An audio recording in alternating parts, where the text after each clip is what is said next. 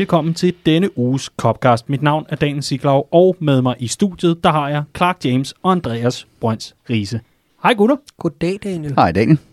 En mandag i øh, efterårets tegn. Jeg skal love for, at det høvler ned udenfor, og at øh, man knapper op, kom tørskoet indenfor, øh, efter at have løbet fra bilen og ind i vores øh, nu snart hedengangne studie 1. Vi rykker snart i et nyt studie, det glæder vi os til. Det er en øh, mandag, hvor det også er kommet frem, at øh, Liverpool snart skal flytte. De flytter fra Melwood til det nye træningsanlæg i Kirkby. Det gør de i løbet af landskampspausen. Og, og sådan er der så mange gode ting, trods alt midt i en mørk og våd tid. Riese, øh, nød du lørdagens opgør mod øh, Sheffield? Nej, Nød du, at du fik en time ekstra natten til søndag så? Øh, ja, det er jo altid øh, lidt sjovere den vej, end det er den anden vej, kan Ja. ja. man sige. Problemet er, at man vender sig lynhurtigt til det, når det går den vej, og det tager et halvt år at vende sig til det, når det går den anden vej. Ikke? Jo. Så det er øh, netresultatet, øh, netspændet i, øh, i, i sommer-vintertid, den er, det, det er virkelig dårligt, synes jeg. Åh, oh, Michael Edwards. Andre vil jo mene, den er 0. Men, Det er jo jetlag en måned, efter man skal begynde at stå tidligt op. Det andet, det venter man sig på en, på en dag, som ovenikøbet er en søndag. Ikke? Billy Bean havde ikke godkendt det, det havde han ikke.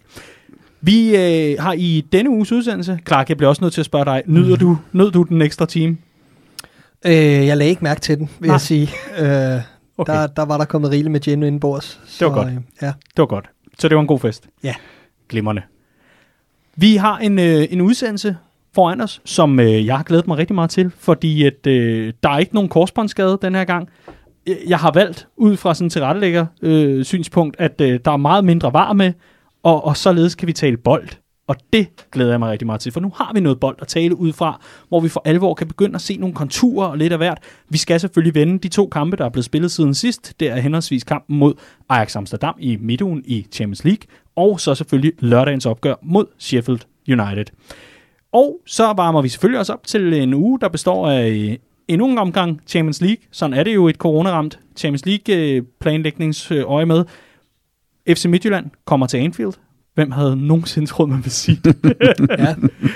det men et eller andet sted, hatten af for FC Midtjylland. Flot præstation. Og så kan vi andre sidde her og tænke, wow, det, det er alligevel øh, spøjst. Og Jürgen Klopp har på dagens pressemøde forud for øh, det, der så bliver morgendagens kamp, nu hvor vi sidder og optager, eller dagens kamp, når du måske hører det, jeg lytter, jamen øh, der var han også lidt ude efter, hvad, hvad der er galt med jeres mentalitet i danskere. Det er altså ikke et lille hold, der kommer. Det er jo i kampene, man skal vise, om man er stor eller lille. Og det var virkelig, øh, kom nu med noget confidence, danskere.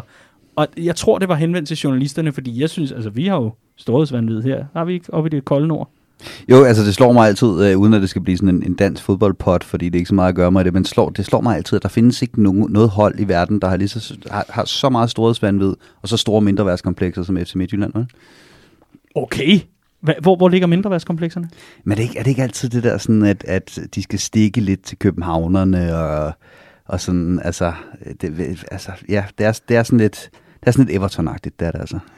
Er lidt Everton-agtigt. Jeg, ser, jeg ser meget modsat på det. Øh, nu går vi tidligt i gang med optakten, kan jeg fornemme. Jamen, altså, vi er fire, i side, fire sider Jeg inde. synes, det er et, et forfriskende pus til en dansk liga, der var gået i stå i, i rigtig mange år. FC Midtjylland er kommet ind for siden, og jeg holder ikke med hverken øh, FSK Brøndby eller FC Midtjylland. Men øh, Men øh, nok om, altså, men din AGF-kærlighed, den vokser jo præcis. i eksplosiv hast. I, Apropos Everton.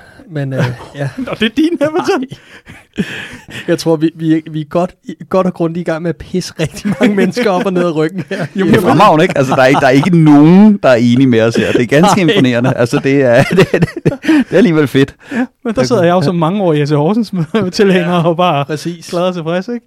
Ja. Nej, men, men øh, spøg til side. Øh, tillykke til FC Midtjylland for at kvalificere sig, og det skal blive rigtig interessant at få dem på Anfield, og det kommer vi til i slutningen af programmet. For som øh, før nævnt, de to kampe, der er blevet spillet den forgangne uge, og så de to kampe, der venter i, i den her uge, det er, er noget af det, vi fortæller om i dag, inklusiv selvfølgelig ugens spiller og birdie.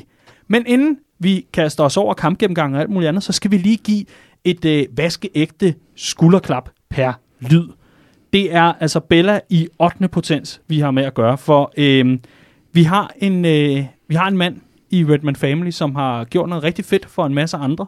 Det er Thomas Bording fra vores øh, Kolding-afdeling, formanden, så vidt jeg husker, ikke? Mm-hmm. Jo som øh, altså påtog sig opgaven at få distribueret noget, der minder om 1000 paller øl med Champions øl, med, øh, som Carlsberg altså fik produceret i forbindelse med Liverpool vandt mesterskabet, der har Thomas altså virkelig taget ind for holdet, og har øh, afhentet de her øl, der var det restlager, der nogle gange var for Carlsberg, og f- kørt ud til de forskellige afdelinger og afleveret alt efter, øh, hvor mange der nu var blevet bestilt rundt omkring i grupperne. Og så de resterende er altså også blevet kørt et, et sted hen, et sikkert sted, jeg ikke nævner, hvor jeg er. Nu er der ikke nogen, der skal få fikse idéer. Men øh, der står de simpelthen nu en masse forskellige øl til, øh, det er sådan samme øl, men en masse øl til en masse forskellige fans, der altså nu kan få fingrene i de her Champions øl. Og Clark, i den kommende uge, den her uge, vi altså lige har trådt ind i, der kan øh, medlemmer af Redman Family også sikre sig en øh, sixpack, hvis jeg ikke tager meget fejl, mm-hmm. af de her nye Champions øl.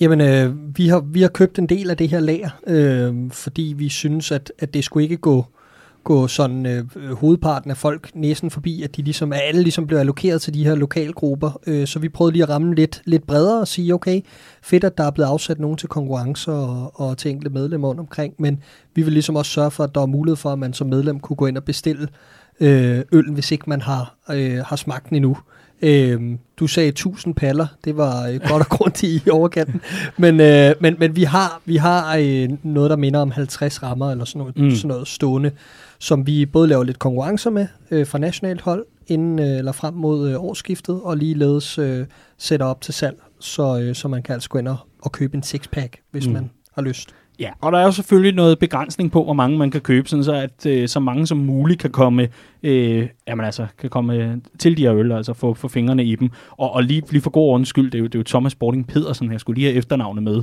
Men øh, Thomas Sporting Pedersen, tusind tak for indsatsen med at få fordelt ølene ud. Og jeg ved, at man øh, inde i øh, Redman Families formandsgruppe, der har vi sådan en lille lukket øh, centrum for alle de afdelinger, vi har i landet. Der har Jonas Højland, der er vores formand i Slagelse afdelingen, han har altså klippet en skøn lille video sammen med hilsner til Thomas. Så igen, for, øh, på vegne af hele fællesskabet, tusind tak Thomas for, øh, for din indsats. Den er vi rigtig, rigtig glade for. Men det var Redman Family øh, og øh, intern snak her. Så er der jo sådan en, øh, en national ting, hvor vi også lige skal give et gedin skulderklap, fordi i den forgangne uge, der samlede vi ind til fordel for Knæk Cancer, og øh, det gjorde vi jo øh, frem mod lørdagens store show, hvor man fik samlet lidt over 130 millioner kroner ind, 135 tror jeg det var.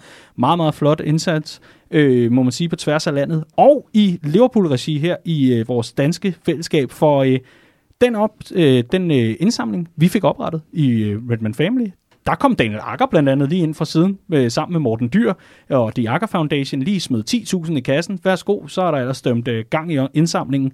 Og vi endte simpelthen med at få samlet 42.156 kroner ind til kampen mod cancer. Fantastisk. Det er jo også fantastisk. Og dermed er sæsonen lidt skudt i gang for vores øh, velgørenhed, fordi lige om lidt venter Christmas Charity, der øh, har treårsjubilæum, min sanden. Det bliver også godt at få samlet ind til North Liverpool Food Banks endnu en gang. Men alt det her, det er jo øh, folk, der gør gode gerninger og støtter op om en god sag osv. Nu skal vi altså til det, det handler om, og som jeg tror rigtig mange har glædet sig til. Vi skal snakke Liverpool, og vi lægger ud med midtugens kamp mod Ajax. I den forgangne uge fik vi igen sparket gang i noget Champions League. Sidst var det med en lidt bitter følelse, og det var jo egentlig den sidste øh, kamp, vi fik øh, at se med Liverpool, inden øh, statsminister Mette Frederiksen ligesom gik på og, og stjal showet og sagde, så lukker vi ellers ned for det hele. Coronaen ramte, og øh, det betød, at vi sådan lidt kunne se lidt passivt, øh, lidt bittert, det vil jeg gerne tage på min kappe, kunne se med, mens at Champions League altså blev afviklet i juli og august, så vidt jeg erindrer, og også sendte nogle kampe i, i løbet af sommermånederne. Ikke desto mindre, man fandt en vinder, det har vi glemt alt om. Øh, nu er vi i gang med en ny omgang Champions League, og Liverpool sparkede altså øh, gang i det i Amsterdam mod Ajax. Clark, hvad synes du egentlig, vi lærte af det opgør, hvis vi lige skal øh, have nogle overskrifter i gang? Jamen, øh, vi lærte, at øh, sæsonen ikke er forbi, på trods af, at øh, Virgil van Dijk jo øh, øh, er sat ud af spillet øh, sæsonen ud. Øh, læser man rundt omkring, så skulle man jo nærmest tro, at han var død. Men øh, det er han heldigvis ikke. Og, Nej, det er Gud Liver- forbyde det. og det er Liverpool heller ikke. Og øh, det fik vi at se onsdag aften. Øh, jeg synes, at vi... Øh, kom godt fra land øh, i forhold til, hvad, hvad omstændighederne var, og hvad vi kom fra i weekenden af frustrationer og nederlag øh, i forhold til, til det her med, med store skader til både Van Dijk og, og Thiago, øhm, så synes jeg egentlig, vi kom fint fra start. Det var lidt som at blive, som om at vi blev smidt tilbage i tiden til før Van Dijk-signingen. Øhm, så det var lidt kaotisk, og, øh, og, og det, var ikke, det var ikke en sikker sejr på, på nogen som helst tænkelig måde. Men, øh, men når man kigger på resultatet bagefter, og man kigger på, hvem man står og fremhæver efterfølgende, Fabinho især i, i, i centerforsvaret, Andy Robertson osv., så, så synes jeg, at det var de rigtige folk, der steppede op øh, på aften, og øh, resultatet taler for sig selv. En mm. 1-0 sejr på udebane i Champions League i øh, første spilrunde, det er, det er stærkt. Genkender du det, det som øh, Clark så, altså retro Liverpool fra, øh, fra før? at øh, Van Dijk og, øh, og dermed også roen over øh, forsvarskæden øh, kom til. Ja, og, og det er nærliggende at, at, at drage den sammenligning.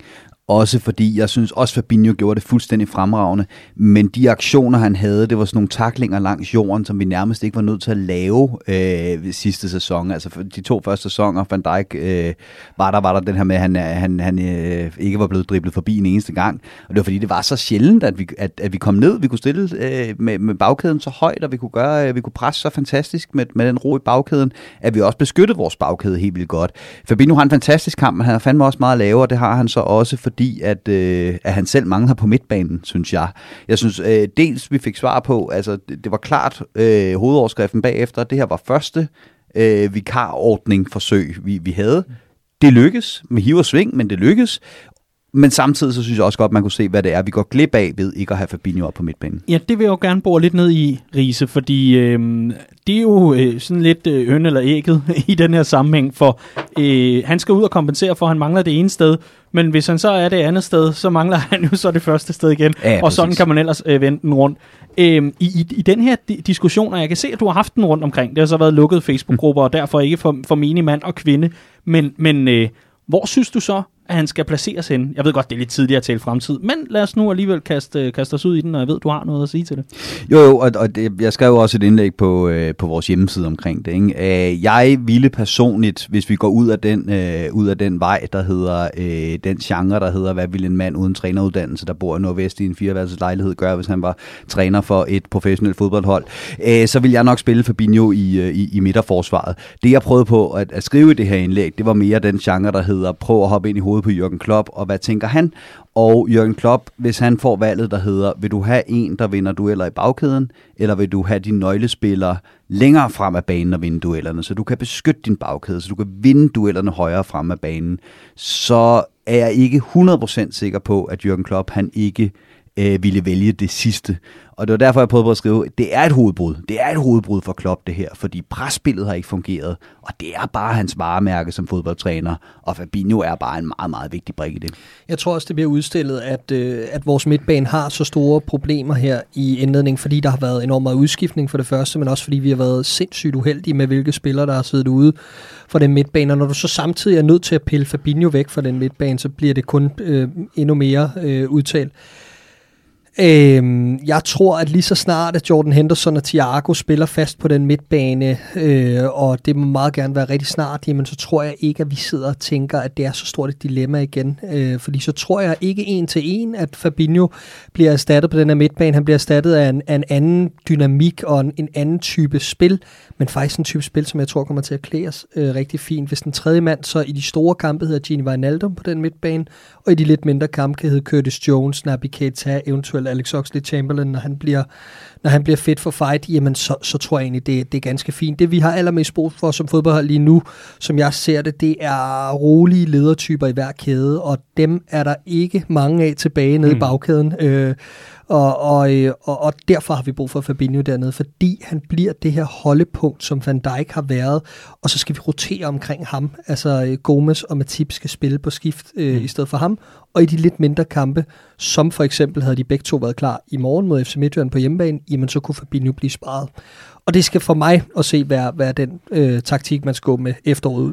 Jeg, jeg, øh, jeg tager lige konceptet her med Copcast og en kamp for sig og siger, at man må godt, man må godt steppe, steppe over selvfølgelig, det er det, jeg prøver at sige, øh, således at man, man tager nogle analyser, som måske også kunne, kunne passe på Sheffield-kampen, fordi det er det, der øh, giver mig øh, sådan et, et man kan sige, det, det er et spørgsmål, jeg begynder at stille mig selv, det er, hvor vigtigt er det også, at Allison er tilbage i den ligning, når det kommer til netop at have ledertyper i hver kæde. Jamen, målmandsposten må også sige at være en kæde i sig selv, det kan vi i hvert fald se, når Allison ikke er klar. Så øh, i forhold til udtrykket øh, hos Liverpool, med uden Allison Riese, det, det, det oplagte dumme spørgsmål vil jo være, kan du se forskel? Men, men jeg vil måske prøve at uddybe i stedet for, hvordan kan du se forskel? Jamen, Hvad er det, der, øh, der, der giver sig? Selvfølgelig kan jeg se forskel, og der er også flere, der har peget på det her med, at, at Allison, efter han er tilbage mod Sheffield, her, han laver en fejl nede i eget felt, og øh, den vil han måske nok øh, være blevet kritiseret en hel del mere for, hvis han hedder Adrian. Øh, han prøver på at drible og, og mister bolden. Øh, og så er der øh, øh, øh, så er der det her med, at, at han egentlig ikke tager nogen bolde i den her kamp, der sådan er decideret verdensklasse Det er bolde, han skal tage osv. Og, og det er jo den diskussion, vi har lige nu. Hvad, hvis det havde været Adrian osv. Det, jeg synes, man ikke kan overhovedet se bort fra, det er, at vi har en situation der mod Ajax, hvor øh, Gomes skærmer bolden. Den ryger ind i feltet Adrian skal bare ud og samle bolden op. Er det ikke mod Ajax? Der har spillet halvandet minut. Ja, præcis. Øh, og det ender med, at Adrian sparker til bolden, og du kan bare se Gomes, han vender sig om mod Adrian og tænker, hvad fanden laver du? Og så er vi i gang med, at der er usikkerhed mellem forsvar og, og midtbane. Jeg synes også, vi har set det her med, og det, det er sådan en ting, som, som, hvor jeg sådan, øh, især lagde mærke til, at Alisson er tilbage. Adriana begyndt at holde op med at spille den ud bagfra. Det er dejligt, at han ikke tager den chance. Men det er fuldstændig som at være tilbage til dengang Mignolet havde snakket med sin kone, øh, og begyndte ja. at lukke øjnene, læne sig bagud, og så banke en ballonbold op på midten af banen. Det øjeblik, Alisson var tilbage, der kunne man bare se, at de der lange afleveringer til Salah, der bare sætter modstanderne på, øh, på røven, eller de skal i hvert fald til at løbe bagud, i stedet for bare at kunne komme fremad. Det giver også et helt andet dimension til vores spil. Ikke? Og det gør, hvis jeg lige må gøre den færdig, det gør simpelthen, at når, når en forsvarsspiller modtager bolden, hvis Adrian står derinde, så tænker man helt automatisk, okay, hvis jeg spiller bolden til ham, så kan der ske to ting, som ikke er gode. Der kan ske, at han laver en fejl i det korte udspil, eller han banker en, en ikke særlig god bold frem af banen, men som de andre vinder, og så er vi på, på, på bagfoot, altså backfoot igen. Mm. Øhm, hvorimod, når Allison er der, så kan man bare give ham den og tænke fremad. Ikke? Altså, man behøver ikke have den der tvivl om, skal jeg nu til at spille Allison, eller, eller spille Adrian, eller skal jeg prøve selv at spille mig ud af den her situation på en eller anden måde. Og det er bare den tvivl der, der hele tiden nærer lidt i baghovedet. Og det handler altså også om, hvis jeg lige må, øh, altså, det handler jo også om for fanden, at de her spillere, de træner sammen. Det vil sige, de ser jo de her målmænd lave tusind gange flere fejl, end vi gør. De ved, hvor lang tid det tager for en målmand at komme over en fejl. De ved, om fejl plejer at medføre flere fejl. De ved, at Allison laver en fejl til træning, og så laver han ikke en de næste 10 træninger, men de ved til gengæld, at, at Adrian han laver en, og så kommer der flere fejl i halen på det. Så, så når Allison laver sådan en fejl som mod Sheffield, så ved hans medspiller også, den kan han godt lægge fra sig lynhurtigt. Det er ikke noget problem. Den laver han ikke igen. Hvis Adrian laver en fejl, så er man ikke sikker på, at han ikke gør, øh, laver flere.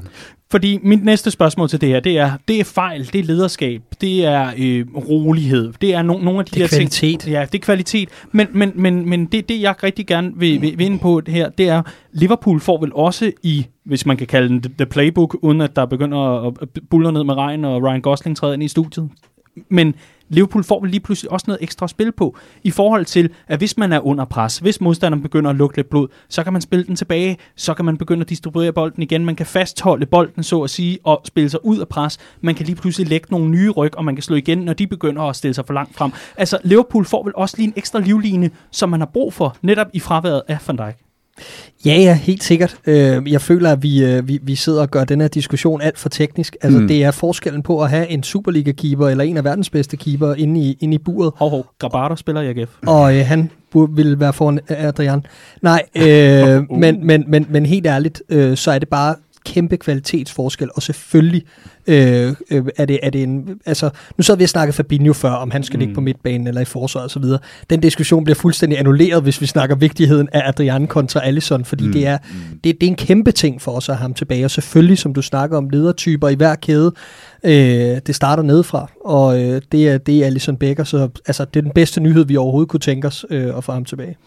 Ja, og, og lad os endelig rykke længere frem banen, som øh, du også øh, lidt plæderer for mellem, mellem linjerne. Det synes jeg er helt i orden, fordi det er også lidt interessant at se, Liverpool skal jo på mange måder til at omrokere og, og gøre en masse ting. Altså, vi kender jo koncepterne, vi kender Jürgen Klopps gameplans langt ind ad vejen. Nu har vi trods alt haft ham i klubben i fem rigtig dejlige år. Men det er vel netop også en af nøglerne til at få Liverpool ovenpå post Van Dijk skade. Hvilket siger du? Jamen, i forhold til, at øh, der nu er, er nye ting, der kan, altså, eller de gamle, gode gamle vaner kan spilles i gang, og man kan få et nyt setup, hvor Van Dijk mm. stadigvæk er savnet, men man kan trods alt se fremad, fordi man ved, vi har andre muligheder i den her værktøjskasse. Helt sikkert, men, men altså, vi, er nødt til at, øh, vi er nødt til at ramme en periode nu, hvor de næste nøglespillere i rækken er klar. Øh, fordi ellers så, altså med alt, hvad der foregår lige nu, og de her fuldstændig vanvittige resultater, vi ser, som vi har været på nær Aston Villa-kampen skånet en lille smule fra, synes jeg, vi har stadig noget, der minder om en hjemmebanefordel som et af de eneste hold i Europa. Øh, hvis vi ikke skal rende ind i flere Aston Villa-tilfælde eller flere freak accidents, så er vi nødt til at, at se noget kontinuitet på det her hold. Og det er mit håb, at vi herfra denne her kommende uge får nogle af de spillere tilbage, som er vigtige for, at vi kan få den her balance på holdet uden for Dijk. Og her er det måske lige øh, værd at nævne, at Jürgen Klopp på dagens pressemøde, øh, altså inden kampen mod FC Midtjylland, øh, kunne øh, annoncere, at øh, Joel Matip, Naby Keita og Thiago Alcantara altså ikke kommer i, i spil i det opgør. Øh, de skal lige have et par ekstra dage, var formuleringen fra ham. Interessant er det jo også, hvis vi øh, skal prøve at sige, hvor er det dejligt med en sejr i første kamp udebane mod et, øh, et hold, der kan være tricky, og som, ja, hvad ved jeg, weekenden efter, ja, lad os bare sige teoretisk set, kunne vinde 13-0 i sin egen liga, ikke? Øh, eller var det 12? Nej, det var 13. Ja, det var 13. Nå, altså, de gjorde... men, men de vandt altså kun 9-0 på XG, og det er det, der virkelig tæller Pis tilbage til Twitter med dig, din idiot. Fordi, nej, vi, vi, skal have dig, vi skal have dig i spil her, Riese, og vi skal også have dig i spil, Clark. For det må være konklusionen på Ajax, og så vil jeg rigtig gerne se frem mod Sheffield-kampen, fordi startopstillingen, der tror jeg måske, vi kan udlede nogle ting og nogle eksperimenter. Og Riese, hvad, øh, hvad tænkte du, da du så startopstillingen? Øh, jeg tænkte, at det var rigtig interessant. jeg tænkte, at det måske var et mærkeligt tidspunkt at eksperimentere. Øh, som, som vi har snakket om, vi er ved at spille en, øh, en, et nyt øh, midterforsvar sammen, og vi mangler måske vores, øh, vores, øh, vores hardhitter på midtbanen. Og så vælger man at gøre den tyndere, så at sige, ved kun at have to øh, midtbanespillere i stedet for, eller centrale midtbanespillere i stedet for tre. Øhm, så, så jeg tænkte, hu, jeg håber, du ved, hvad du gør, Klopp, øh, men som udgangspunkt, så mente jeg også, at det var det, det rigtige valg at gå med, med den formation, jeg så på, øh, på, mm. på startopstillingen. Da euforien havde lagt sig over, at Allison var tilbage i buret, øh, som jeg jo næsten kunne fornemme, at du havde, Clark, Mm-hmm. øh, hvad tænker du så, når du sådan, øh, ser på startopstillingen Jeg synes, her? det så spændende ud, mm. øh, og blev nok sådan lidt naivt skuffet over præstationen, fordi øh, et eller andet sted står man bagefter og tænker, hvad havde man regnet med? Altså, at, at det netop blev en sådan kamp i ubalance for vores vedkommende. Alligevel har vi kvalitet nok til, at- til at vi vinder kampen, og det er jo, det, er jo- det er jo fremragende, men, men altså... Øh, jeg synes, hvis vi lige skal lave bindeled til den Ajax-kamp Mm. øh, over til Sheffield United-kampen, synes det er helt fortjent, at øh, Diogo Jota får en, øh, får en start. Jeg synes, han har været fremragende her i begyndelsen for Liverpool. Øh, Det er ikke nemt at komme ind og, øh, og bidrage til et hold, der har leveret på så højt niveau i så lang tid som ung offensiv spiller. Øh, og på den måde bide sig til og allerede levere, når det kommer til slutprodukt, direkthed, farlighed. Det synes jeg, han har haft siden de første 10 minutter, han spillede for klubben. Altså, øh, så jeg er dybt imponeret over ham, og jeg synes, det var fantastisk, at han, at han fik sin første kamp fra start. Øh, men, øh, men, men som udgangspunkt, ja, øh, vigtigt med de tre point, og øh, øh, skide godt at se, at vi også kan flere varianter, fordi vi har lidt snakket om det her flere gange med 4-2-3-1, og det kunne godt være, at vi skulle spille den lidt mere her fremadrettet og sådan nogle ting, og især da Timo Werner var på, snak, eller på tale, øh, der var det sådan en ting, at vi snakkede øh, ofte om, og jeg i hvert fald gjorde. Ja, øh, det gjorde du. øh, men men jeg, synes, det, jeg synes, det er fint at se, at det er en af de muligheder, man har i, i sækken.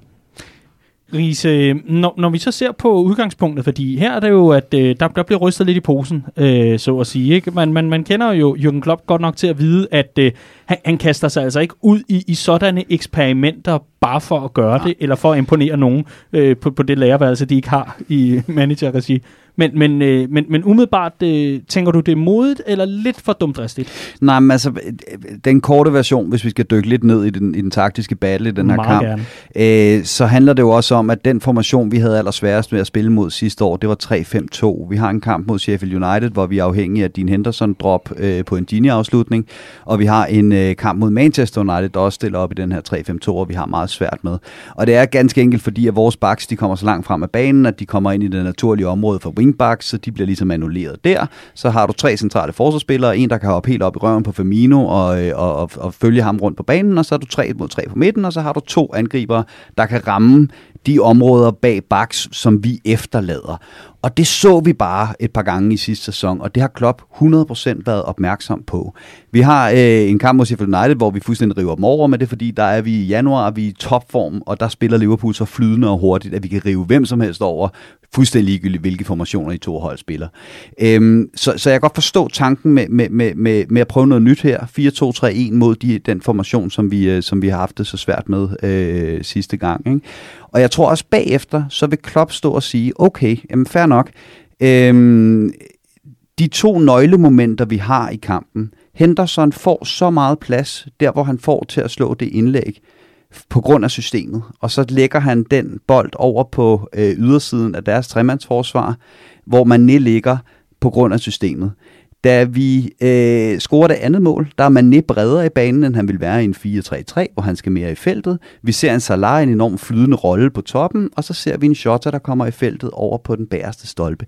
Det er igen i et eller andet omfang by design af systemet, at de her to nøglemomenter sker. Men hvis du kigger over 90 minutter i kampen, så har vi ikke på noget tidspunkt rigtig kontrol med den her kamp. Og det er måske også i et vist omfang på grund af systemet, selvom jeg er sikker på, at Klopp også vil, vil pege på, at det har vi også haft svært ved at have i 4-3-3 den her sæson til tider. Kan en af nøglerne til at få kontrol over det nye system, så at sige, kan det være at få en så øh, hvad kan man kalde det, en, en så alsidig boldspiller, som for eksempel en Thiago, ind i ligningen? Ja, ja, ja, selvfølgelig. Der er selvfølgelig noget med, med, med, med, med mm. mandskab her, og der er selvfølgelig noget med øh, at, at, at kontrollere kampen. Men der er altså også noget med, at vi, altså en ting er, at vi, vi, vi spiller 4-2-3-1 her. En anden ting er, at det er, det, det, det er absurd flydende, det Klopp har gang i. Hvor vi sidste sæson så, når vi spillede 4-2-3-1, og så var det Salah på toppen, og det var ud fra en tankegang, der hed, så kan han bare være inde i feltet. Han er vores bedste afslutter, så bliver han derinde. Så ser vi ikke så meget til ham i kampen, når han så får en chance, så høvler han den ind. Øh, Shakiri skal spille sit naturlige spil derude og så videre.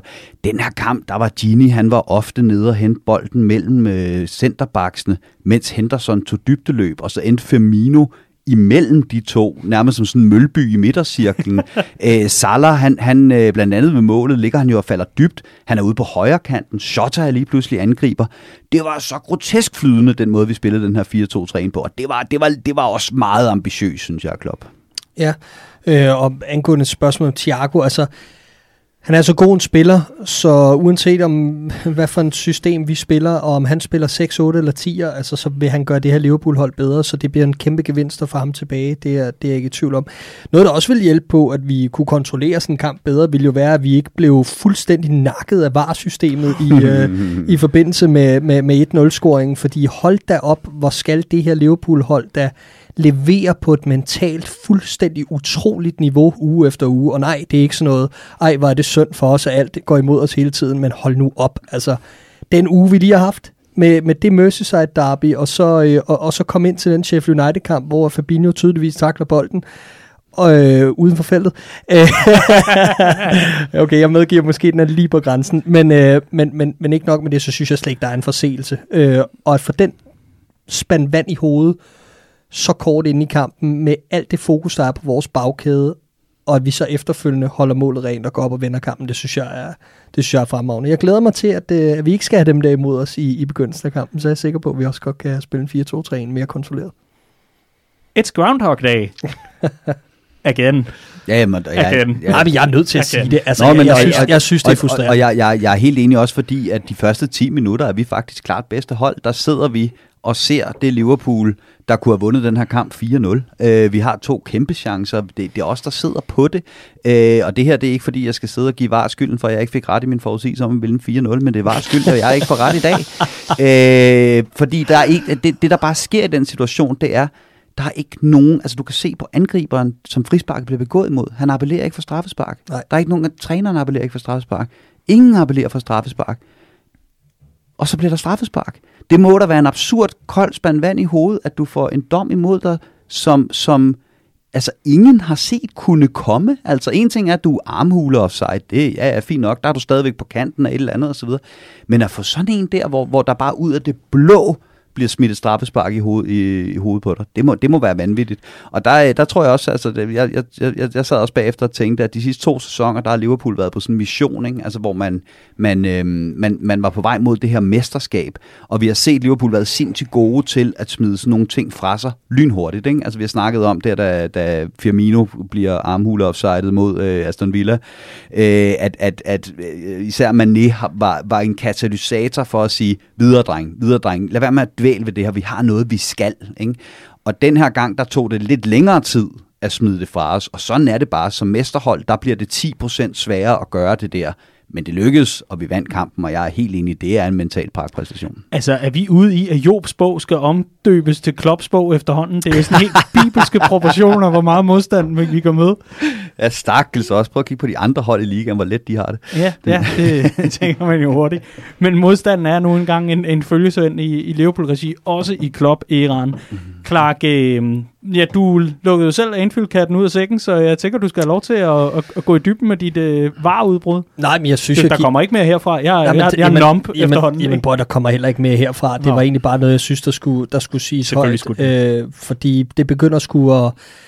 Altså, som vi sad og snakkede om det lige her, før vi gik på, Andreas og jeg, det har været sådan lidt under opsejling de sidste par uger, det der med, at, at distancen til det, der foregår lige nu på banen i Premier League, er i forvejen stor nok, fordi der ikke er fans på lægterne, og fordi vi føler, at vi er i en eller anden form for undtagelsestilstand her under corona, så hjælper det bare ikke på det her, øh, på den tilstand, at, at vi oplever, at det her system er så langt fra, hvad vi føler nu kan jeg kun sige, hvad jeg selv føler, mm. fodbold er for mig. Øh, og jeg synes, at det har været nogle rigtig dårlige uger for VAR.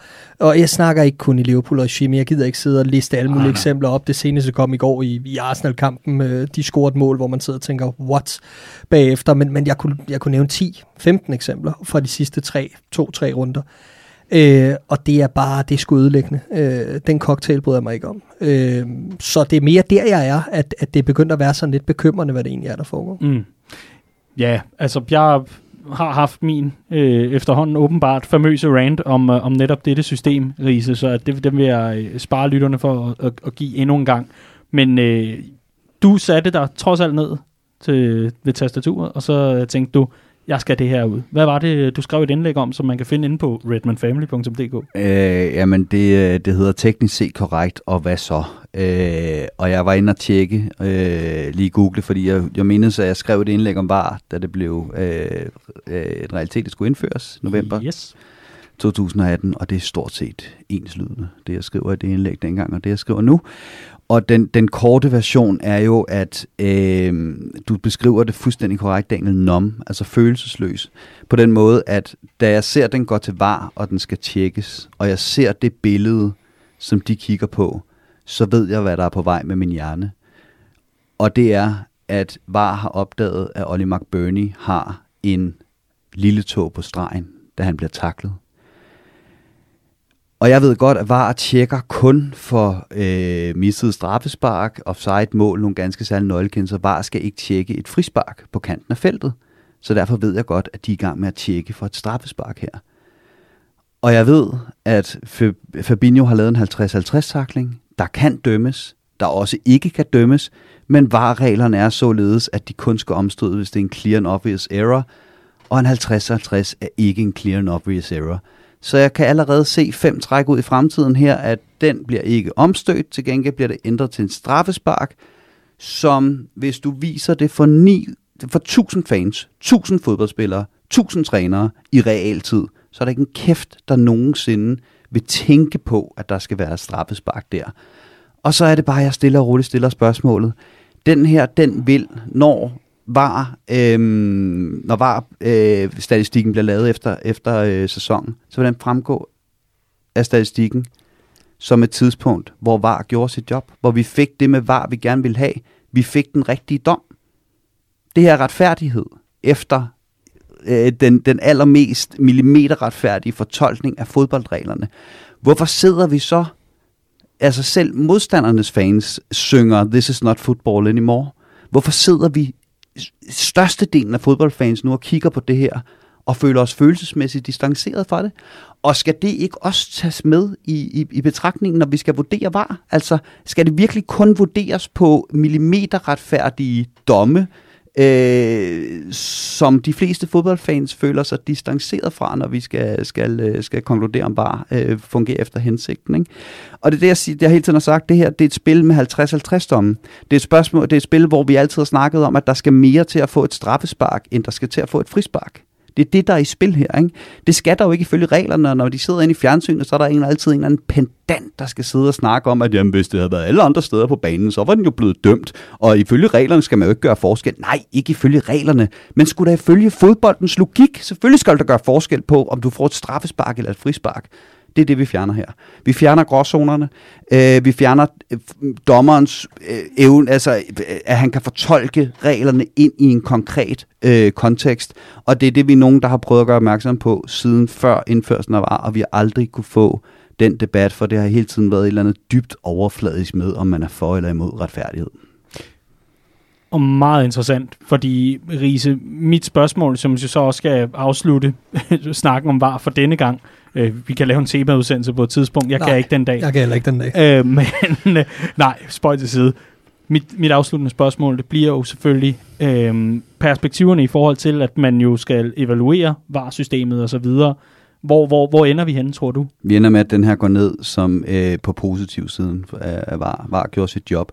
Jeg tror, jeg tror, at vi på et eller andet tidspunkt kommer til at ende med, at vi skal have flere domme, hvor dommeren går ud og kigger på skærmen. Og det er også der, hvor jeg siger, hvis nu Mike Dean havde fået lov til at gå ud og kigge på den her øh, på skærmen, så vil han muligvis kigge på den challenge, Fabinho laver, og tænker, fair nok, det er nok til at få frispark.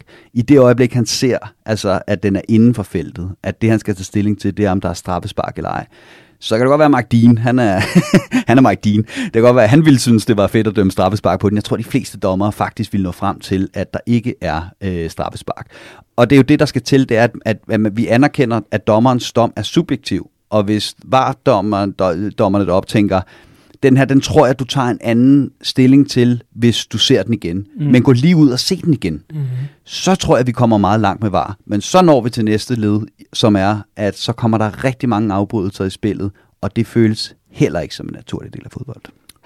Uha, uha, uha. Ja, men øh, man synes jo nærmest, det er en reprise, men øh, tusind tak øh, endnu en gang for... Øh, for et savligt indspark i en debat, som meget hurtigt kan blive jamen, enormt øh, ja, tonedøv men, og alt muligt andet. Men jamen, problemet er, at, at du, nu siger du savligt, det her, det, det, er nærmest, altså, det er nærmest følelseskoldt, og det er det, der, det er det, der bekymrer mig. Jeg vil ønske, at vi skulle sidde her og have en ophedet diskussion, om der var frispark på Fabinhos challenge. Ikke? Den 50-50, jeg vil mene, der var det, eller den kunne dømmes, og Clark ville sige, der ikke var.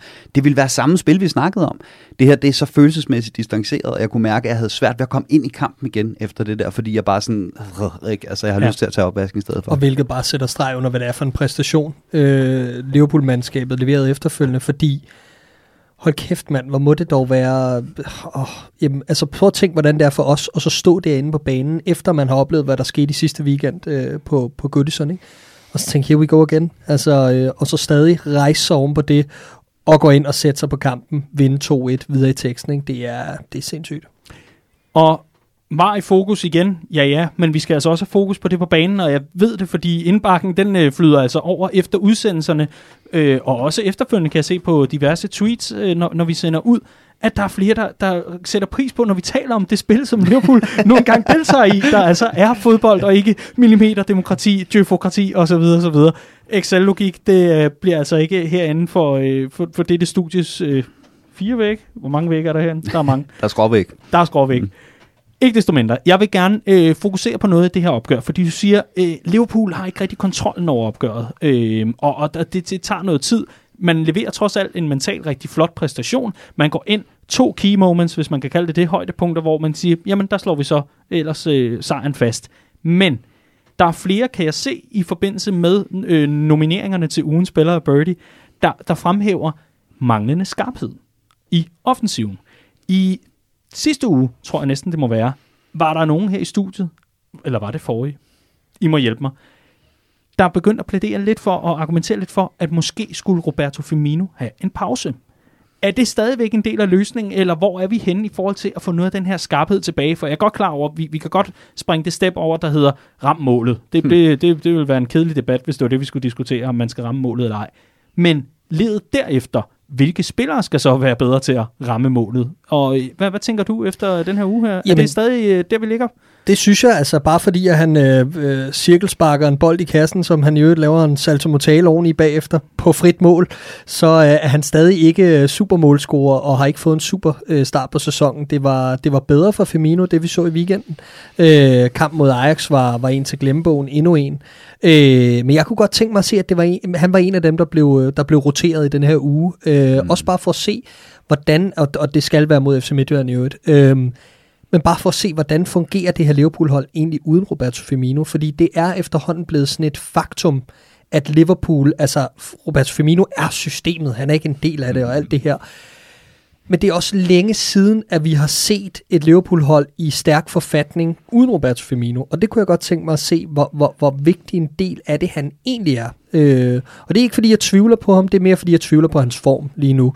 Og der kunne jeg godt tænke mig at se, når der bliver rystet posen, om vi faktisk bliver et bedre spillende mandskab lige nu, øh, uden Firmino. Og det, det synes jeg kunne være interessant, også bare for konkurrencen. Er vi ude i, om man skal tage den blå eller den blå i et spil klods med jord? Altså, er vi ude i, om man skal trykteste, om fundamentet begynder at brænde sammen, hvis man øh, fjerner ham? Øh, jamen, jeg synes jo heller ikke, han har været i god form. Jeg synes egentlig, det var hans bedste kamp, hvor han så oven i købet kommer målscoren, øh, altså scorer mål, øh, på trods af, at han er nærmest mere i feltet, øh, selvom han også ligger dybere, end han normalt gør. Det er meget mærkeligt.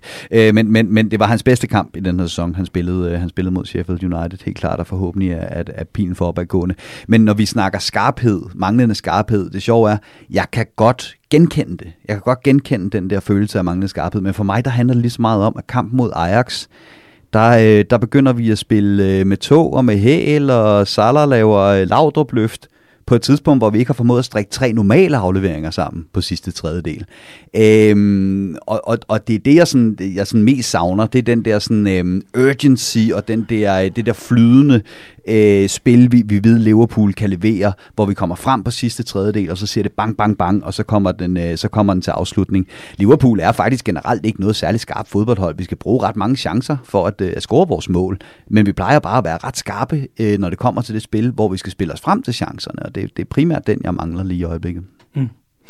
Og øh, de sidste ting, vi kan tage ud af den forgangne uges kampe, er der noget, der, der er værd at notere sig, som vi måske ikke har været forbi? Mm, altså, jeg vil lige sige i forhold til det med skarphed, øh, jeg synes ikke, det er så stort et tema egentlig. Mm. Øh, jeg synes, vi var rigtig skarpe mod Everton, kendte vores besøgelsestid og burde også have, have fået de tre point. Øh, jeg synes, det dukker op, når det skal. Jeg synes, ude mod Chelsea var vi også skarpe, for eksempel. Øhm, og jeg tror lige så snart, vi rammer noget af den der øh, kåre på holdet, altså at få alle de her nøglespillere tilbage, så tror jeg stille og roligt, det kommer på det tidspunkt i sæsonen, hvor vi ved, at vi skal toppe, og det er om halvanden måneds tid. Øh, så det er jeg ikke så bange for. I forhold til øh, ugen, der gik, så vil jeg sige øh, Joe Gomez sidste tre halvleg, det vil sige kampen mod Sheffield og anden halvleg mod Ajax, synes jeg var rigtig, rigtig flotte. Og øh, der kan vi ikke være nogen tvivl om, at, at vi har et centerforsvar lige nu. Øh, som sagt, så kommer Matip forhåbentlig tilbage lige om lidt, og kan, kan give noget konkurrence og sørge for, at der kan blive roteret lidt.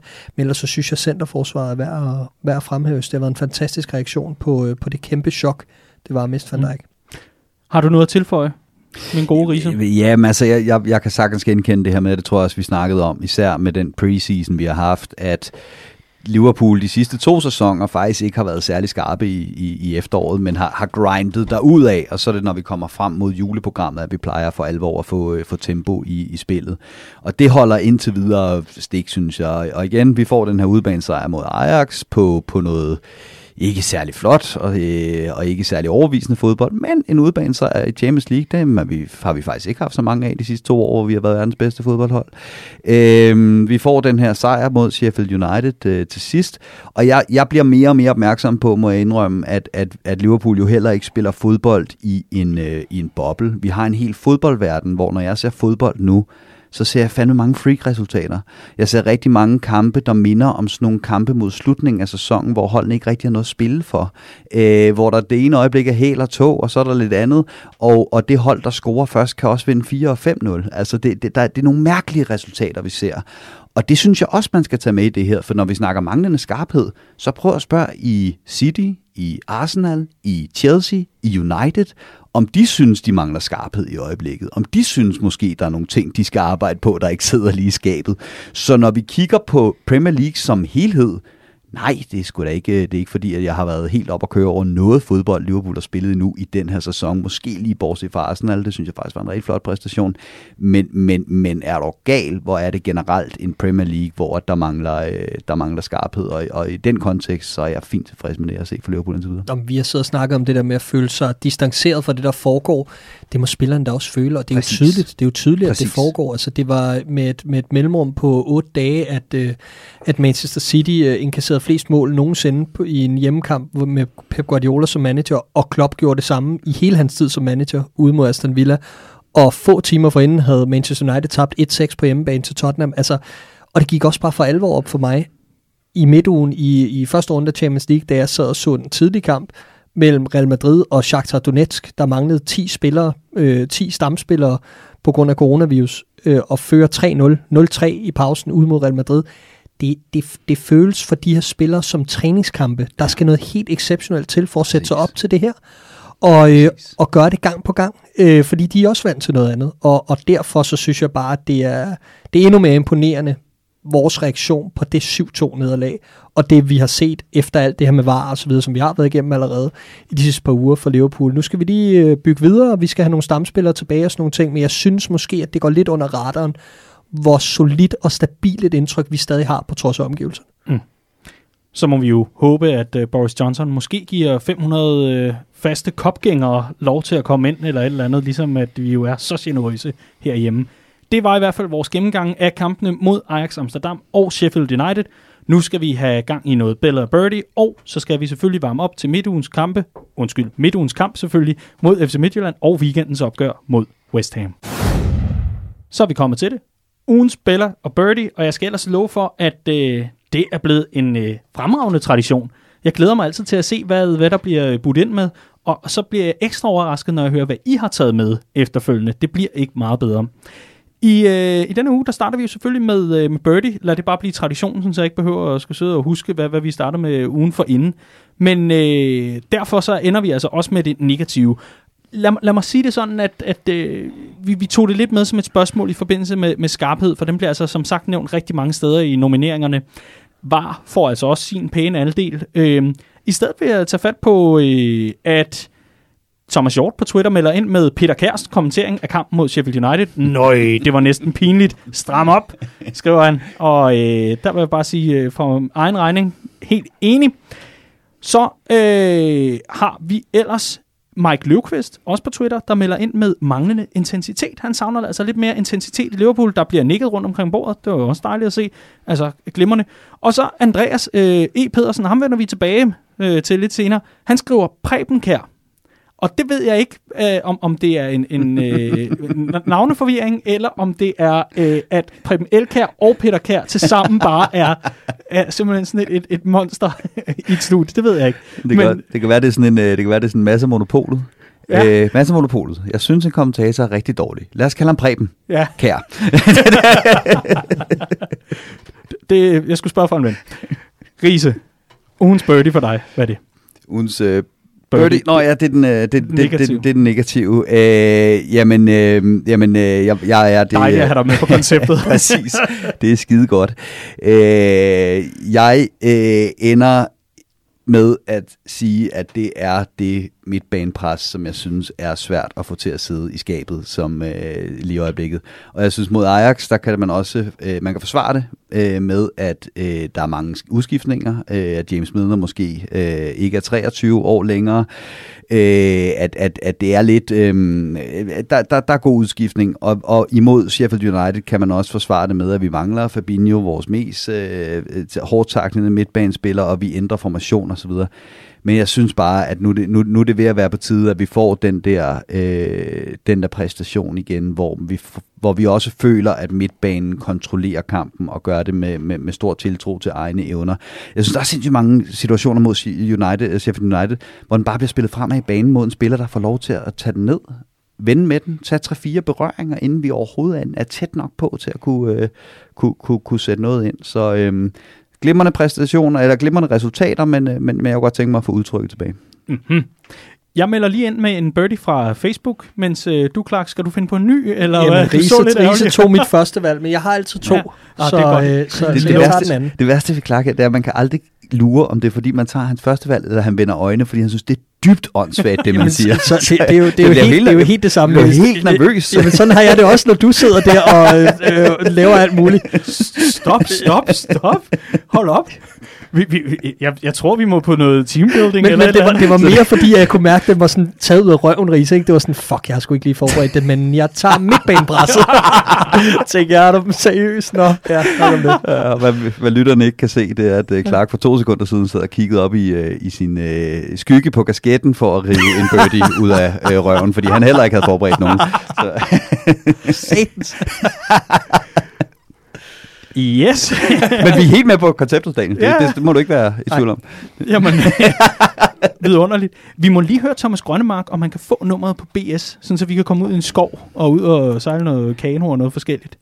Øh, og, og lave noget mental ja, sammenrystning her, fordi jeg kan godt mærke, det er, det er for nedadgående. Det gode humør forsvandt hurtigt. Ja. Nå, vi, vi må prøve at få det tilbage med en masse bellager. Men øh, lige om lidt kommer din birdie. Mm-hmm. Først skal vi lige have Esben Times Pe- Petersen, undskyld, på Facebooken, der melder ind med birdie, vil jeg sige, at øh, det er, at øh, Curtis Jones bliver taget ud efter en god første halvleg, frem for en lidt skidt øh, spillende Milner, som godt nok havde opstartsproblemer, og det er selvfølgelig kampen mod Ajax. Dejligt også at få sådan en øh, birdie ind, øh, sådan så vi får dækket det bredt ud. Og nu kommer din, øh, hvad du fandt, da du øh, ellers Mm. mm. ud fra et vist sted. Din birdie den her uge.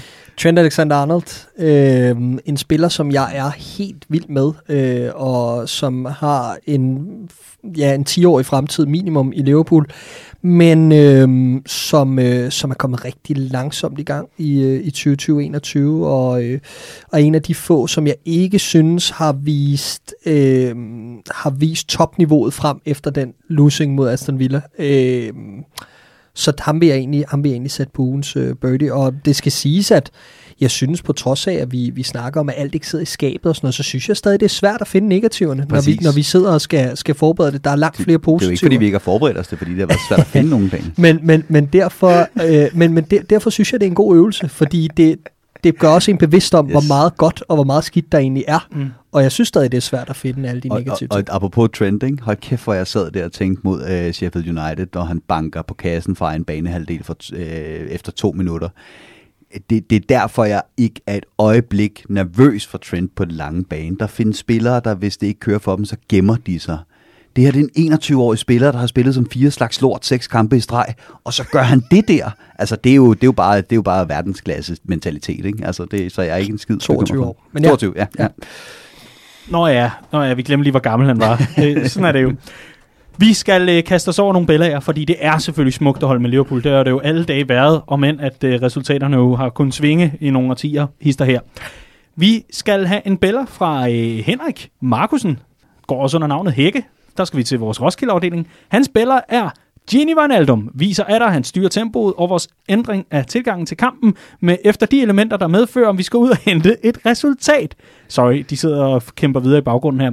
Om ud og hente et resultat. Han skulle blot hjælpes lidt ved en unødig skuldertakning ud over linjen. Han er et mesterlig mental monster. Bum. Og så har vi uh, Thomas Hjort, der også byder ind med en Joe Gomez. Fantastisk præstation mod Sheffield United. God grundsten at bygge videre på efter en hård tid. Og så tager vi den sidste. Vi skal altså lige tilbage til Andreas Pedersen, for det var altså ikke for at udstille dig, Andreas. Jeg synes bare, det var fremragende at melde ind med Preben Kær. Det er altså godt, fordi han har altså nogle rigtig gode billeder, synes jeg. Shota, skriver han. Jeg synes, Shota har haft akkurat det impact, som jeg havde håbet, at Werner ville have. Og så skriver han også, og ellers har vi Elliot, som scorer for Blackburn. Uh, således sat i gang.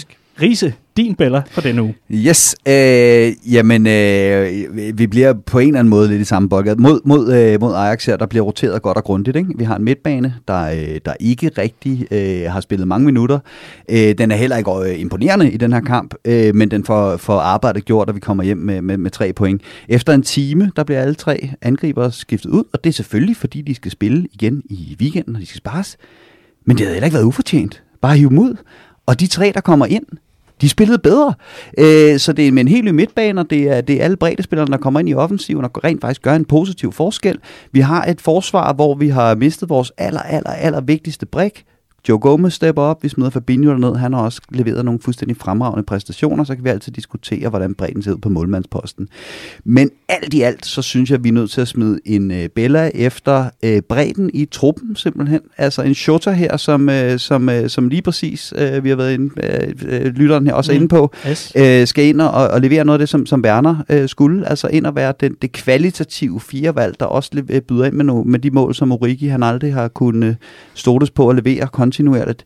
Øhm, så, så, så når alt kommer til alt, så er det ikke fordi, det har været en prangende uge, sådan rent fodboldmæssigt, men der er mange spillere, der har været i aktion, og det har givet 6 point øh, på, en, på en måde, hvor jeg synes, at vi efterhånden må, må, må tale om, at bredden i truppen er bedre, end den nogensinde har været under Jürgen Klopp. Jeg ved ikke, øh, jeg tror, det er det forkerte spil for dig, fordi det vidste, ved jeg ikke, om du havde til din Commodore 64, da du var barn. Men, men, men øh, jeg havde det helt FIFA-agtigt, Clark, over at, at tage de forreste tre ud, og så tre nye ind. Mm. Fordi man skulle huske at spare, der var den der vigtige kopkamp Ja, i midtugen ja, ja. og sådan noget. Det var virkelig øh, surrealistisk at sidde og glo på. Mm. Øhm, vi har lige et par billeder, inden du får lov. For øh, både Martin og Sebastian på Twitter, de melder altså ind med, at øh, det er skønt at have Allison tilbage. Og ja, der var måske lige en enkelt øh, mangel på koncentration, men at øh, det trods alt var bedre, end at skulle se på den spanske tankpasser. Jeg skal love for, at det er blevet et begreb Ja, nu. jeg beklager. Den, den, den, tager jeg altså, den tager jeg til mig. Men, øh, men det er fedt. men i dag, han, han får også et nyt øgenavn hver gang, ikke? Altså, der, i dag blev han kaldt Superliga-keeper. Øh, Nå, men altså Benitez er den spanske tjener, og ham kan vi jo godt lide. Det er jo så rigtigt. Det er jo ikke, og øh, men jeg ved jeg, ikke, kan også, jeg kan også rigtig godt lide Adrian, når han ikke står. Altså, det, er, det, er det ligesom, øh, det er ligesom loveren? Man elsker at have ham i truppen og hader at se ham på banen.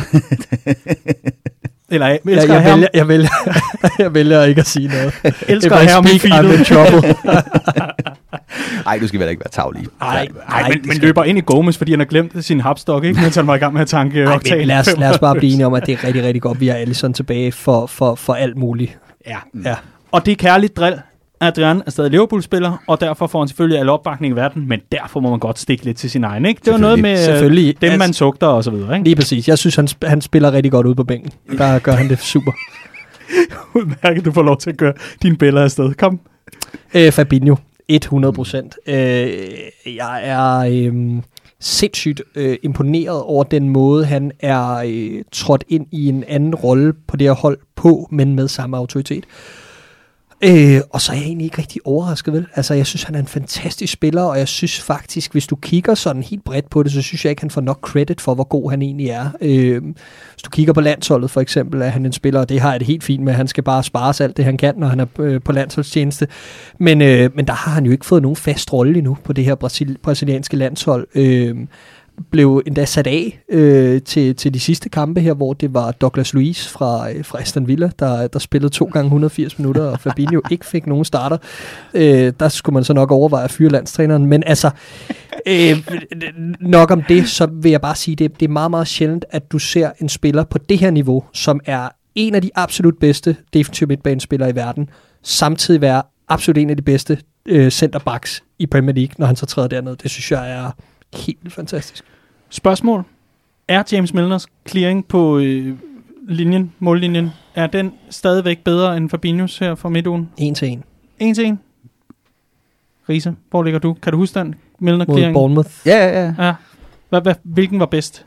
Ja, Altså, det er jo Sophie's choice, det er altså, man vælger mellem sine børn. Det kan du da gøre ved mig. Okay. okay, men du tager Milner, fordi han trods alt er tættere på dig aldersmæssigt, eller hvad? altså, Fabinho ligner en, der er tættere på mig aldersmæssigt, men det er jo så en anden sag. Ganske udmærket.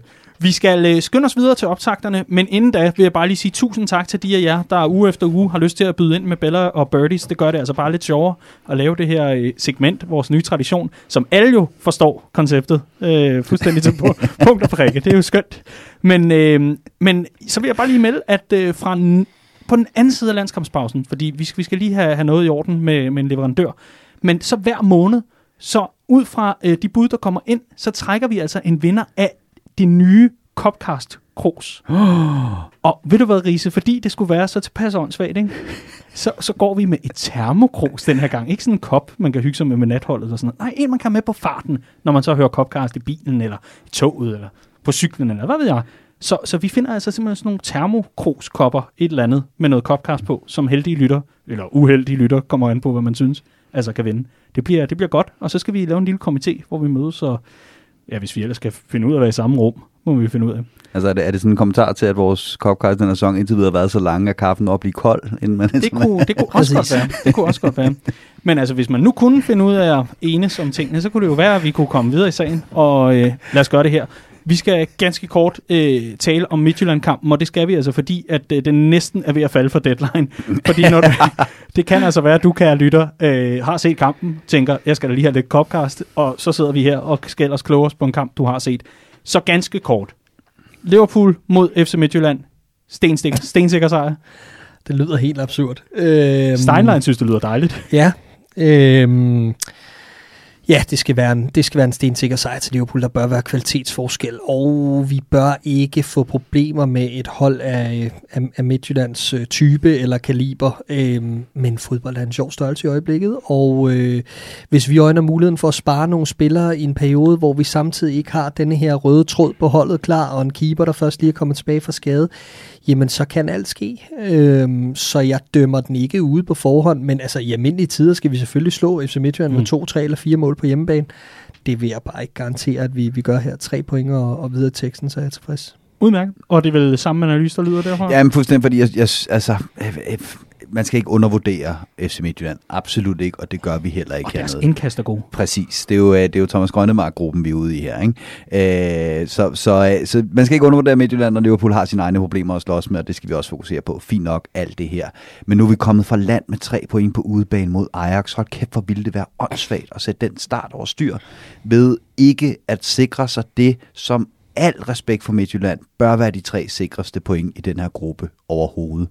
Det, det må være udgangspunktet, at det skal give tre point, der.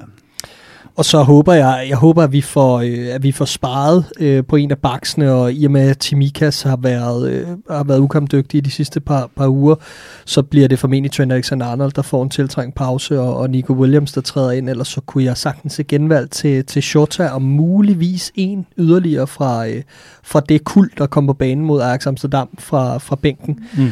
Øh, og ellers så håber jeg bare, at vi, øh, vi, vi fortsætter i samme rille, og, øh, og ja, altså, hvad vinder vi? med en to-tre stykker alligevel. Det håber jeg da.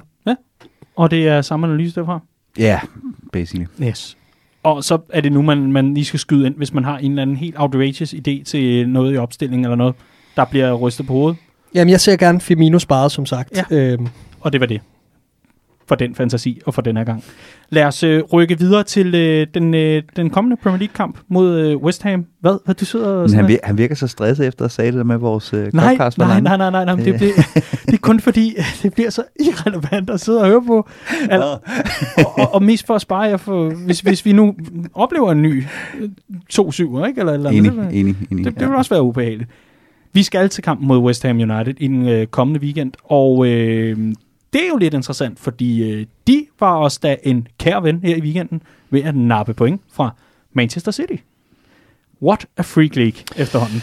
Ja, men det kommer ikke rigtig bag på nogen efterhånden med, med de her resultater i øst og vest. Øhm, jeg har en eller anden formodning om, at øh, om et par uger, når preseason i gåsøjne er, er, er overstået for, for rigtig mange klubber, så begynder der at stabilisere sig et eller andet form for flow i forhold til, hvem der slår hvem osv der bliver en eller anden form for normalisering, men det har ikke ramt endnu, og, øh, og West Ham er kommet rigtig godt fra start, øh, svingende fra start, øh, taber 2-0 i første runde ude mod Newcastle, eller hjemme mod Newcastle, øh, og siden der har de bare bundet en masse flotte resultater sammen, så har de en, et redselsfuldt første kvarter ude mod Tottenham, hvor de er bagud 3-0 i sidste weekend, og så øh, slår øh, corona-fodbold bare til igen, og øh, med en første reducering i 81. minut og drømmemål i, øh, i tillægstiden, jamen, så kommer de tilbage for 3-3 mod Tottenham og spiller 1-1 mod Manchester City ja, i weekenden efter. Altså, det, det er sgu en sjov størrelse, det hele. Ikke? Øhm, igen vil jeg sige, West Ham er et hold, som jeg egentlig synes, vi har et fint tag på øhm, efterhånden.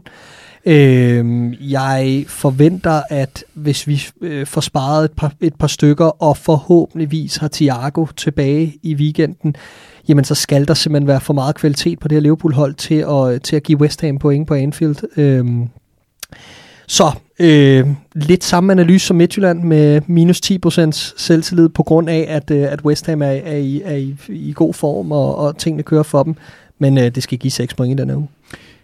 Nå, Riese, fordi da startopstillingen kom, og i det hele taget, du har jo prøvet at, at lege det der, sådan, hvad, hvad, hvad kan man kalde det, det tankeeksperiment, hvor du er øh, Klopp, ja. eller i hvert fald tænker som ham, Yes. og, og slet ikke som den her øh, sofatræner i, i det nord- nord- nordvestlige øh, København. Præcis. Hvad tænker du, øh, at Klopp tænker i Ja. forbindelse med West Ham-kampen? Jeg tror, han tænker, at der skal vi igen op mod en fembakkæde, og derfor så tror jeg faktisk, at han øh, rigtig gerne vil have den her 4-2-3 til at køre, og den kunne vi godt komme til at se mod West Ham. Og så tror jeg, at han tænker, at han udmærket ved, hvordan han skal slå øh, West Ham. Altså han ved godt, hvordan at Liverpool kan slå West Ham, men han ved også godt, hvordan West Ham kan vinde over, over Liverpool. Og det er, jeg ved ikke om I, I, I kender den der gif med ham manden, der springer igennem en dør. Øhm, der er en, der lagde den op rigtig fint og sagde, når Mark Bowen ligger indlæg, Suchek. Øh, de er, altså, det er et fysisk øh, vanvittigt hold, West Ham, med Antonio på toppen, Suchek, der bare springer igennem døre for at nå frem til hovedstødsdueller. Tre ordentlige brød nede i midterforsvaret, de hiver med frem på, øh, på hjørnespark, og så Declan Rice oven i købet. Ikke? Så, så der er ikke nogen tvivl om, at, at, øh, at dødboldene kommer til at give os lange løg i den her kamp, fordi vi er uden Van Dijk, og det er en af de største mangler, ved vi mangler Van Dijk. Det er på, på, på, på, på dødbolde og, og i hovedspillet derinde. Ikke? Så så man i øvrigt også fint, at, at, at, øh, at, at hvad hedder det, Sheffield United var rigtig fint tilfredse med at gå langt og tage, noget, langt og tage nogle hovedstødstueller med, med Liverpool, fordi vi mangler den, den hovedstyrke. Så, så det, er, det er analysen for Klopp lige nu. Det er helt klart, at han ved godt, hvad han skal forberede sig på, for at, at Liverpool kan slå, øh, slå West Ham, og vi bør også være favoritter, men jeg er ikke et øjeblik i tvivl om, at han også sidder lidt og øh, fokuserer på den fysiske styrke, de kommer med.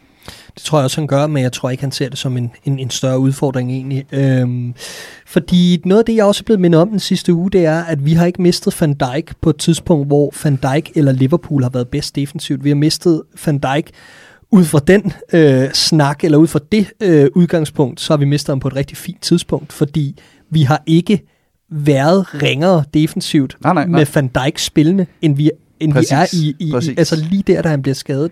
Hvis du kigger over hele 2020, vi Så har vi er over i, det er en fordel at Nej, have nej. det var jeg, sjovt. jeg, tror, jeg, tror, jeg, tror, jeg polemisk, polemisk sat det op på den måde, at når man har lukket 13 mål ind i fem kampe med Van Dijk i midterforsvaret, så har man større problemer end hvem, der spiller i Nå, men, midterforsvaret. men, men vi er også nødt til at kigge på, vi er nødt til at kigge på hele 2020. Det er ikke kun siden vi blev mestre, Ah, det er også mm. før det, det er også efter det.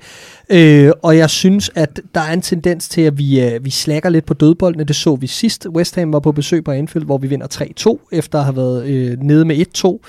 Blandt andet, hvor vi, hvor vi også lukker ind på dødbolde i den kamp. Og så synes jeg bare, at, det, at, at generelt har der været sådan lidt en... Altså, vi har, vi har, vi har været lidt sløset, ikke også? Og det synes jeg også er med til at gøre det til et knap så stort øh, øh nedslagspunkt nu her efter Van Dijk, at, at det niveau, der egentlig lå, var ikke særlig højt øh, defensivt. Så øh, hvor jeg ville hen med det, var egentlig bare, at... Øh, Ah, vi kommer At- også ind på siden som to Ja, men-. Sucheks apropos.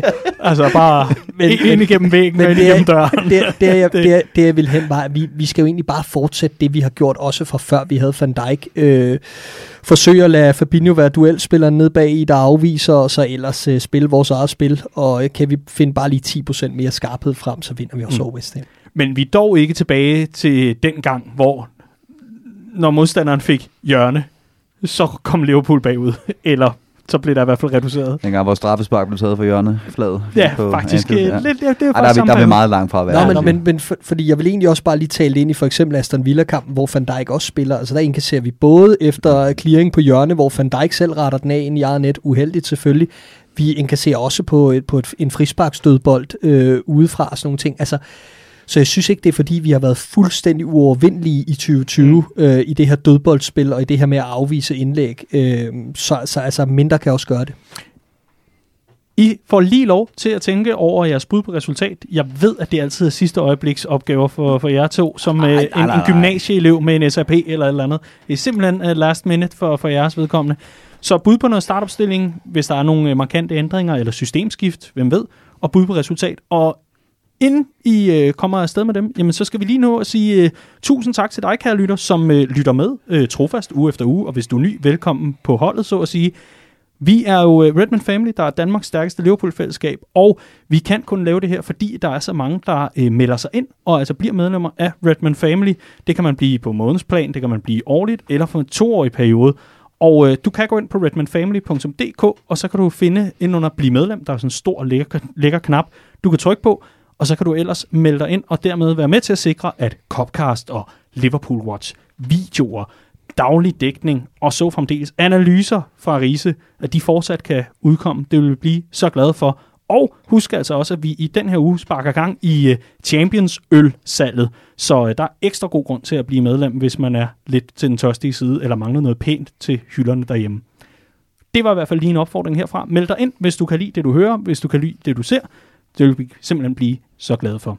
Nu skal vi have bud på startopstilling og resultat. Hvem har lyst til at lægge for land?